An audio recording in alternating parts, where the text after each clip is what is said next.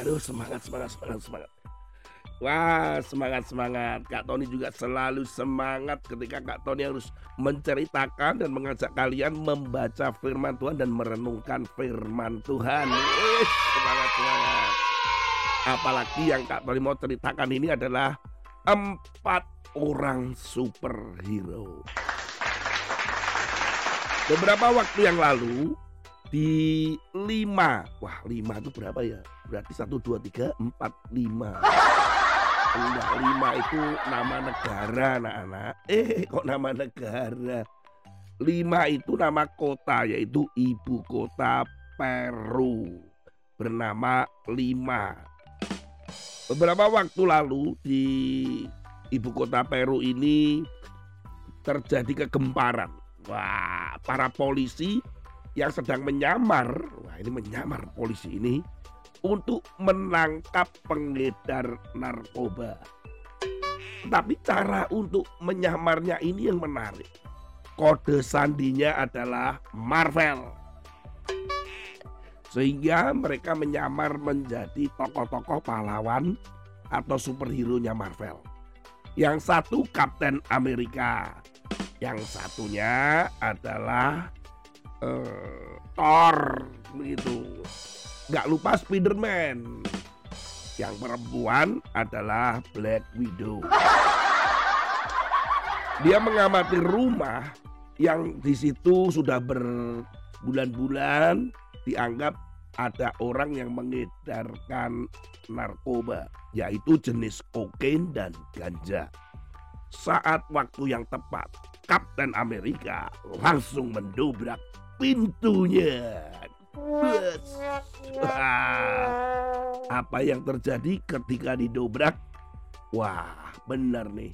Ada barang bukti kurang lebih 3250 bungkus kokain dan beberapa ganja di situ. Dan langsung aja orang ini ditangkap. Kapten Amerika masuk, Spiderman masuk, Thor masuk, Black Widow juga masuk. Dengan kode-kode dengan nama Marvel, mereka berhasil menangkap orang yang melanggar hukum. Para pengedar-pengedar narkoba ini langsung dinaikkan ke mobil polisi, yaitu seperti mobil yang terbuka. Mereka dinaikkan dan mereka langsung dibawa ke markas Marvel. Oh, maksudnya markas polisi, karena kan penjahat ya. Wah luar biasa ide-idenya itu loh menarik sekali anak-anak. Firman Tuhan hari ini kita ambil di dalam firman Tuhan itu dibaca Amsal pasal 28 ayat yang keempat. Orang yang mengabaikan hukum memuji orang fasik.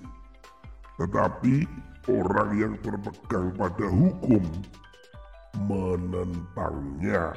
Ayat ini kita belajar bahwa orang yang suka melanggar hukum atau Kak Tony sebutkan adalah orang yang ya bebal, orang fasik, yang suka melanggar-melanggar begitu, suka mencuri atau berbuat dosa lah. Mereka-mereka ini biasanya adalah orangnya itu mengagumi atau suka dengan tokoh-tokoh antagonis atau tokoh-tokoh jahat di dalam film maupun cerita.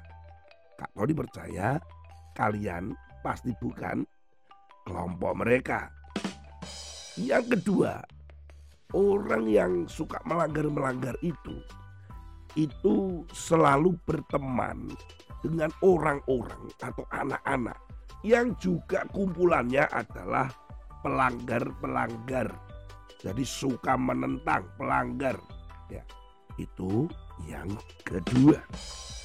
Yang ketiga, orang yang suka melanggar-melanggar hukum atau peraturan itu adalah sering juga melakukan pelanggaran itu dan merasa tidak bersalah. Jadi tiga hal tadi, kelompok-kelompok pelanggar-pelanggar itu akan satu menyukai tokoh-tokoh yang jahat. contoh musuh-musuh di dalam cerita atau film. Apalagi kalau yang horor-horor. Waduh. Wah itu orang ini berarti kelompok penyuka pelanggar hukum.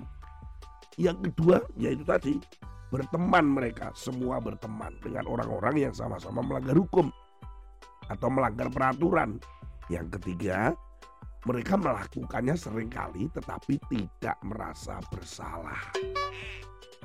Katoni percaya kalian bukan ada di situ, tapi kalau kalian ada di situ atau kalian mulai menyukai tokoh-tokoh jahat di dalam cerita dan film, kemudian kalian berteman dengan orang-orang yang suka melanggar peraturan, kemudian kalian sering melakukan pelanggaran peraturan, tetapi kalian merasa tidak bersalah, hati-hati, nanti ditangkap sama Marvel.